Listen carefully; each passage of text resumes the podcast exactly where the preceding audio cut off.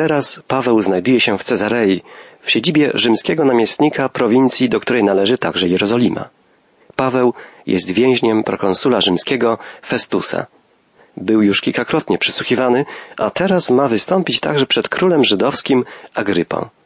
Czytamy o tym w 25 rozdziale dziejów apostolskich od wiersza 13. Kilka dni później przybyli do Cezarei król Agrypa i Berenika, by powitać Festusa. Po jakimś czasie Festus zapoznał króla ze sprawą Pawła. Felix zostawił tu w więzieniu pewnego człowieka. Gdy byłem w Jerozolimie, żydowscy arcykapłani i starszyzna wystąpili ze skargą przeciwko niemu, domagając się skazującego wyroku. Odpowiedziałem im wtedy, że nie ma u Rzymian zwyczaju skazywać człowieka bez możliwości obrony przed zarzutami w obecności oskarżycieli. Gdy więc przybyli tu ze mną, zaraz nazajutrz otworzyłem przewód sądowy i kazałem przyprowadzić tego człowieka. Oskarżyciele jednak nie wytoczyli przeciwko niemu żadnego zarzutu w sprawie przestępstwa, jakiego bym się spodziewał. Chodziło im raczej o jakieś spory dotyczące ich wierzeń i osoby nieżyjącego już Jezusa, o którym Paweł twierdził, że żyje. Ponieważ nie znam się na tych sprawach, zapytałem Pawła, czy byłby gotów udać się do Jerozolimy i tam stanąć przed sądem ale Paweł wniósł odwołanie, by go pozostawiono w więzieniu, dopóki najjaśniejszy Pan nie zapozna się z jego sprawą. Kazałem go więc zostawić w więzieniu, aż go nie odeślę do Rzymu. Wtedy Agrypa powiedział do Festusa, Chciałbym i ja przesłuchać tego człowieka. Jutro go zobaczysz, odpowiedział Festus. Król Agrypa II przybył do Cezarei, by przywitać nowego rzymskiego namiestnika, Festusa. Agrypa jest synem Agrypy I, wnukiem Heroda Wielkiego. Władza ojca nie została mu przez cesarza rzymskiego przekazana w całości. Panował tylko nad częścią Galilei i Perei, a rezydował w Cezarei lub Filipi. Ponieważ jednak otrzymał protektorat nad świątynią w Jerozolimie i prawo mianowania i zdejmowania z urzędu arcykapłanów, jego rola była bardzo duża. Berenika to siostra Agrypy i Druzylli, zaręczona z Markiem, siostrzeńcem filozofa Filona, poślubiła jednak swego stryja, Heroda z Halkis, po śmierci którego jako dwudziestoletnia wdowa powróciła do brata Agrypy. Stosunki panujące między rodzeństwem dawały powód do brzydkich podejrzeń. Między 63 a 66 rokiem naszej ery Berenika była żoną króla Polemona z Cylicji. Porzuciła go jednak i znowu powróciła do brata a że ten nie był żonaty, towarzyszyła mu podczas oficjalnych uroczystości. I tak właśnie opisuje to Łukasz. Dłuższy pobyt króla dał Festusowi okazję do pomówienia z nim o Pawle. Festus nie czuł się kompetentny w rozstrzyganiu spraw dotyczących spraw wiary Żydów. Z zadowoleniem więc skorzystał z możliwości przedstawienia całej sprawy żydowskiemu królowi. Z oskarżeń i z obrony Pawła namiestnik Festus wywnioskował, że żadne przestępstwa, o jakie podejrzewał swojego więźnia, nie miały miejsca. Ten Rzymianin trafnie dostrzegł najistotniejszą kwestię sporną pomiędzy przywódcami żydowskimi a apostołem. Stwierdził, że nie chodzi głównie o stosunek Pawła do prawa żydowskiego i do świątyni czy do cesarza, ale o stosunek do Jezusa. Właściwie Festus trafnie ujął najważniejszą kwestię chrześcijaństwa – Wyraził ją w sposób prymitywny, ale jak najbardziej prawidłowo. Aż do dziś chodzi bowiem przede wszystkim o Jezusa, który umarł i przestał istnieć dla świata, a my twierdzimy, że On żyje. Król Agrypa, chcąc okazać uprzejmość namiestnikowi, interesuje się tą sprawą. Chciałbym i ja usłyszeć tego człowieka, mówi. Prawdopodobnie rzeczywiście chce poznać kontrowersyjnego przywódcę chrześcijan. Na terenach, na które rozciąga się jego władza, znajdują się wspólnoty chrześcijańskie i już jego ojciec, Agrypa I, krótko przed śmiercią zajmował się tymi ludźmi. Uradowany obrotem sprawy, Festus odpowiada z wojskową zwięzłością. Jutro go usłyszysz. To przesłuchanie będzie miało charakter oficjalny. Pamiętamy podobne przesłuchanie Pawła przed parą małżeńską Feliksem i Druzylą. Teraz siostra Druzyli, Berenika i jej brat, król Agrypa II, czyli żydowska para królewska, zasiądą obok rzymskiego prokonsula, żeby słuchać Pawła. Tak więc królewska para, brat i siostra, wnukowie Heroda Wielkiego, który panował w czasie, gdy przychodził na świat Jezus, będą przesłuchiwać apostoła Jezusa Pawła. Prokonsul Festus, reprezentujący cesarza Rzymu, zjawia się w towarzystwie sztabu oficerów. Zaproszeni zostali także najznakomitsi mężowie miasta, jak pisze Łukasz. Czytamy o tym w końcowym urywku 25 rozdziału dziejów apostolskich. Następnego dnia Agrypa i Berenika w otoczeniu dowódców i dostojników miejskich wkroczyli uroczyście do sali sądowej. Potem na rozkaz Festusa przyprowadzono Pawła. Wówczas Festus przemówił. Królu Agrypo i wszyscy tu obecni, macie przed sobą człowieka, przeciwko któremu wystąpiły tłumy Żydów w Jerozolimie i tutaj, domagając się jego śmierci. Stwierdziłem jednak, że nie popełnił niczego, czym by na to zasługiwał, ale skoro odwołał się do cesarza, postanowiłem go tam odesłać. Nie mam wszakże bliższych danych, które mógłbym napisać naszemu władcy, dlatego stawiam go teraz przed wami, a zwłaszcza przed tobą, królu Agrypo. Przesłuchaj go, a ja wtedy będę miał co napisać. Uważam bowiem za rzecz nierozsądną odsyłać więźnia bez wyraźnego określenia winy. Festus, jak widzimy, oczekuje od króla żydowskiego pomocy w zbadaniu całej sprawy i pomocy przy sporządzeniu raportu o Pawle. Nie może bowiem posłać cesarzowi więźnia bez podania, o co się go oskarża. Pomyślmy, jak przypomina to sytuację z procesu Jezusa. Wtedy też nie można było sformułować prawidłowego oskarżenia i rzymski namiestnik Piłat musiał uznać Jezusa za niewinnego, a jednak niewinny Syn Boży musiał zginąć. Jak będzie z jego apostołem? Spójrzmy, jak wypadki potoczą się dalej. 26 rozdział dziejów apostolskich opisuje przemówienie Pawła przed królem Agrypą. Czytamy w pierwszym wierszu, że król zwrócił się do apostoła, by zabrał głos w swojej obronie. Wtedy Paweł, wyciągnąwszy rękę, zaczął się bronić. Królu Agrypo, Żydzi wysunęli przeciwko mnie cały szereg oskarżeń. Ja zaś uważam to za szczęście, że mogę bronić się dziś przed Tobą. Tym bardziej, że znasz się dobrze na wszystkich obyczajach Żydów i spornych zagadnieniach z tym związanych. Zechciej przeto cierpliwie mnie wysłuchać. Wszyscy Żydzi znają przebieg mojego życia od samego początku, gdyż od młodości żyłem wśród mojego narodu w Jerozolimie. Znają mnie od dawna i gdyby tylko chcieli, mogliby zaświadczyć, że jako faryzeusz żyłem zgodnie z najsurowszymi zasadami tego stronnictwa religijnego. Teraz zaś stoję przed sądem dlatego, że zaufałem obietnicom danym przez Boga naszym praojcom. Spełnienia tych obietnic oczekuje dwanaście naszych plemion, gorliwie służąc Bogu we dnie i w nocy. Z powodu tej właśnie nadziei, o królu, jestem oskarżony przez Żydów. Dlaczego uważacie za rzecz nie do uwierzenia, że Bóg budzi umarłych ze śmierci do życia? Apostoł Paweł jest pewien, że nadzieja Izraela teraz stała się żywą teraźniejszością. Jezus Chrystus, Mesjasz Izraela, zmartwychwstał.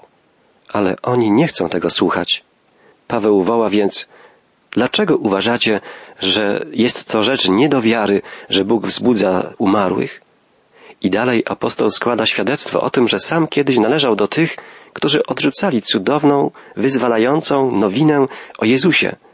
Zawsze łatwiej nam jest zrozumieć ludzi odrzucających Ewangelię, gdy uświadomimy sobie, że sami kiedyś to uczyniliśmy. Paweł mówi, ja sam także uważałem, że należy wszelkimi sposobami występować przeciwko sprawie Jezusa z Nazaretu. Tak właśnie postępowałem w Jerozolimie, gdzie z upoważnienia arcykapłanów zamykałem w więzieniu wyznawców Chrystusa i głosowałem za tym, by ich karać śmiercią. Tak samo we wszystkich synagogach zastraszałem ich i zmuszałem do wyparcia się wiary w Chrystusa, a szalejąc z nienawiści, prześladowałem ich również w innych miastach. Apostoł Paweł, dawniej Saul, prześladował i gnębił chrześcijan w Jerozolimie i w wielu innych miastach. Jak wielką przemianę przeżył potem ten niezwykły człowiek. Jak wielka jest moc Bożej łaski, czego może dokonać Boża miłość. Paweł, świadomy tego, że król Agrypa zna cały żydowski system religijny, starał się ukazać mu, że Chrystus, którego głosi, jest Mesjaszem zapowiedzianym przez Mojżesza i proroków. Apostoł sam początkowo odrzucał Jezusa i prześladował jego wyznawców, ale wszystko zmieniło się, kiedy sam Pan stanął na jego drodze. Jadąc do Damaszku, mówi dalej Paweł, z pełnomocnictwem i poleceniem arcykapłanów, W samo południe, o królu, zobaczyłem na drodze światło z nieba, jaśniejsze niż słońce, które olśniło mnie i moich towarzyszy podróży. Wszyscy padliśmy na ziemię, a ja usłyszałem słowa w języku hebrajskim skierowane do mnie Saulu, Saulu, dlaczego mnie prześladujesz? Próżno się miotasz, gdyż już utknął w tobie grot włóczni. Wtedy powiedziałem, kto ty jesteś, panie? Pan zaś odpowiedział, ja jestem Jezus, którego ty prześladujesz, ale podnieś się i stań mocno na nogach. Dlatego przecież ukazałem się Tobie, że przeznaczyłem Cię na sługę i świadka tego, co już widziałeś i tego, co Ci jeszcze ukażę. Będę Cię bronił przed tym ludem i poganami, do których Cię posyłam, abyś im otwierał oczy, przeprowadził z ciemności do światła, z podwładzy szatana do Boga. Przez wiarę we mnie uzyskają przebaczenie win i dziedzictwo przeznaczone dla moich wyznawców. Dlatego też, królu Agrypo, nie mogłem się sprzeciwić tej wizji z niebios i najpierw w Damaszku i Jerozolimie, potem w całej Judei, a następnie wśród pogan nawoływałem ludzi, aby zmienili swoje życie, by nawrócili się do Boga i spełniali uczynki godne tej przemiany. Z tego powodu Żydzi schwytali mnie w świątyni i chcieli zabić. Jednak dzięki Bożej pomocy przetrwałem do dziś, aby składać świadectwo ludziom małym i wielkim, nie głosząc nic ponad to, co zostało powiedziane przez proroków i Mojżesza. Mianowicie, że Mesjasz musi cierpieć, ale jako pierwszy zmartwychwstanie i zajaśnieje światłem zbawienia dla narodu i dla pogan. Paweł przytacza tu wielkie słowa. Właściwie jest to treść ewangelizacji na wszystkie czasy. Słowa apostoła cudownie charakteryzują wspaniałość Ewangelii. Człowiek nie musi siebie zmieniać, nie musi się męczyć, ma tylko otworzyć oczy, żeby ujrzeć, że wszystko uczynił już Bóg, że zbawienie już się dokonało. Otwarcie oczu wydaje się najłatwiejszym pod słońcem zadaniem nawet dla najsłabszego człowieka, a jednak nie jesteśmy zdolni dokonać tego sami. Dlatego Paweł, a z nim wszyscy ewangeliści na całym świecie otrzymali zadanie otwierania oczu, oczu tych, do których zostali posłani. Ale żaden ewangelista, nawet taki jak Paweł, nie może tego uczynić wyłącznie własną mocą. Jedynie człowiek, który w Duchu Świętym otrzymał pełnomocnictwo Jezusa, może w sposób skuteczny spowodować, aby się oczy rzeczywiście otwierały i ujrzały baranka Bożego, który niesie grzech świata. Dopiero wtedy, gdy oczy są już otwarte i widzą, może nastąpić nawrócenie. Dopiero po spełnieniu tego warunku ludzie będą się mogli, jak powiedział Jezus, odwrócić od ciemności do światłości i od władzy szatana do Boga, aby dostąpili odpuszczenia grzechów i przez wiarę współudziału z uświęconymi. Tak, w nawróceniu nie chodzi tylko o pozytywne zmiany moralne w człowieku, ale o całkowity przełom w życiu, o przejście z ciemności do Bożego światła. Ze swojej natury każdy człowiek żyje w ciemności i we władzy szatana, a więc pod gniewem Boga. Dlatego dla życia i zbawienia konieczne jest nawrócenie się, zwrócenie się od ciemności do światłości, od władzy szatana do Boga. Konieczne jest to dla pobożnego Izraelity tak samo jak dla współczesnego poganina, podkreśla apostoł. I jeszcze raz akcentuje tę prawdę, że całkowicie i wyłącznie opiera się na Piśmie Świętym. Nie mówi nic ponad to, co powiedzieli prorocy i Mojżesz, że się stanie. Mojżesz i prorocy przepowiadali Mesjasza, który musi cierpieć i umrzeć. Apostoł podkreśla, że głosi zmartwychwstałego według pism. Paweł, a wraz z nim wszyscy pozostali apostołowie z najgłębszym przekonaniem wyznawali, naszą podstawą jest pismo. Przeprowadzamy dowód na podstawie pisma. Tak właśnie zwiastował Paweł, ale w tym miejscu mu przerwano. Czytamy o tym w końcowej części 26 rozdziału dziejów apostolskich. W tym miejscu obrończej mowy Festus zawołał Jesteś szalony, Pawle. Nadmiar wiedzy zamącił ci umysł. Nie jestem szalony, dostojny Festusie, odparł Paweł. Przecież mówię prawdę.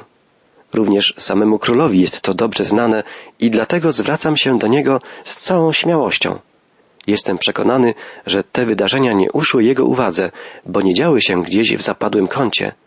Królu Agrypo, Czy wierzysz prorokom? Wiem, że wierzysz.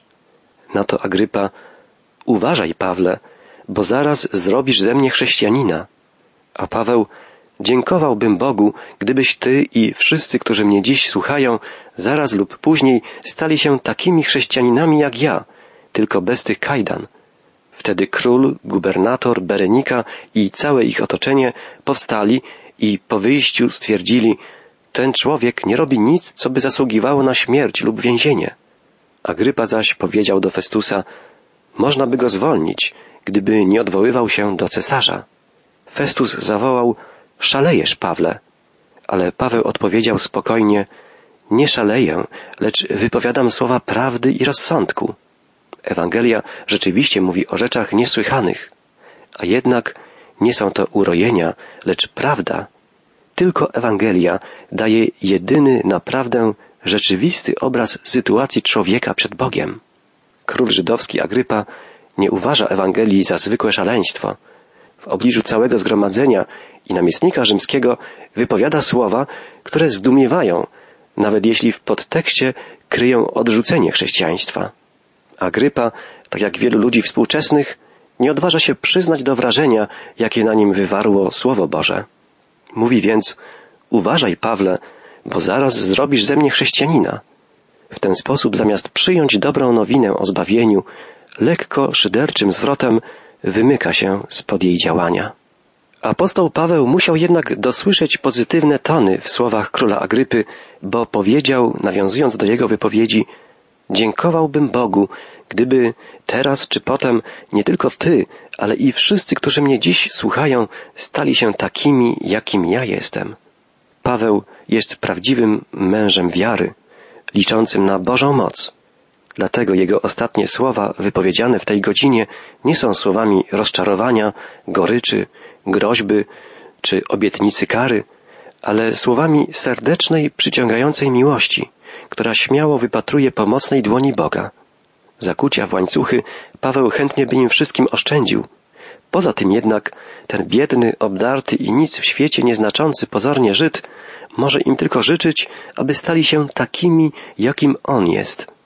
Czymże jest bowiem olśniewający przepych króla, jego pięknej siostry? Czym jest władza prokonsula, którego już jutro niełaska Cezara Nerona może skazać na śmierć? Czym jest świetność i bogactwo tego zgromadzenia wobec wspaniałości współudziału z uświęconymi przez wiarę w Jezusa? O tym mówi Paweł. A dostojni państwo podnoszą się i kończą posiedzenie. Nikt z nich nie stawia Pawłowi prawdziwie ważnego pytania. Tak głęboko nie są poruszeni. Jednak odchodząc, rozmawiają ze sobą, mówiąc, ten człowiek nie popełnia nic, co by zasługiwało na śmierć lub na więzienie. Wszyscy odnieśli to samo wrażenie. Król Agrypa rzekł do Festusa, ten człowiek mógłby być zwolniony, gdyby się nie odwołał do cesarza. Jak należy rozumieć te słowa? Czy Paweł nie mógłby wycofać swojego odwołania, gdyby namiestnik zapewnił go, że nikt nie będzie wszczynał procesu sądowego przeciwko niemu, że zostanie zwolniony? Czy Paweł swoim pochopnym krokiem sam zamknął drzwi prowadzące na wolność? Takie rozważania świadczyłyby o przecenianiu słów Agrypy. Była to tylko luźno i pod wpływem nastroju chwili rzucona uwaga, nic więcej. Prawnie Agrypa nie miał w tej sprawie nic do powiedzenia, a więc jego zdanie nie liczyło się. Dlatego mógł je spokojnie wyrazić, wiedząc, że nie pociągnie ono za sobą żadnych konsekwencji. Natomiast Festus był w innej sytuacji i dlatego nie powiedział ani słowa na temat możliwości zwolnienia Pawła miałby się może narażać na popsucie stosunków z przywódcami żydowskimi z powodu tego dziwnego fantasty, mimo uprzejmej, ale niewiążącej wypowiedzi dostojnego gościa, będzie więc nadal trzymał się swojej linii postępowania w tej sprawie i w każdym razie odeśle Pawła do Rzymu. Paweł wkrótce znajdzie się w drodze do stolicy imperium. Tam również stanie przed ludźmi zajmującymi wysokie stanowiska społeczne i polityczne w ówczesnym świecie – Konfrontacji z Ewangelią potrzebują wszyscy, również, a może przede wszystkim ci, którzy kierują innymi ludźmi, nieraz całymi wielkimi narodami, wielkimi mocarstwami. Czy pamiętamy o tym dzisiaj?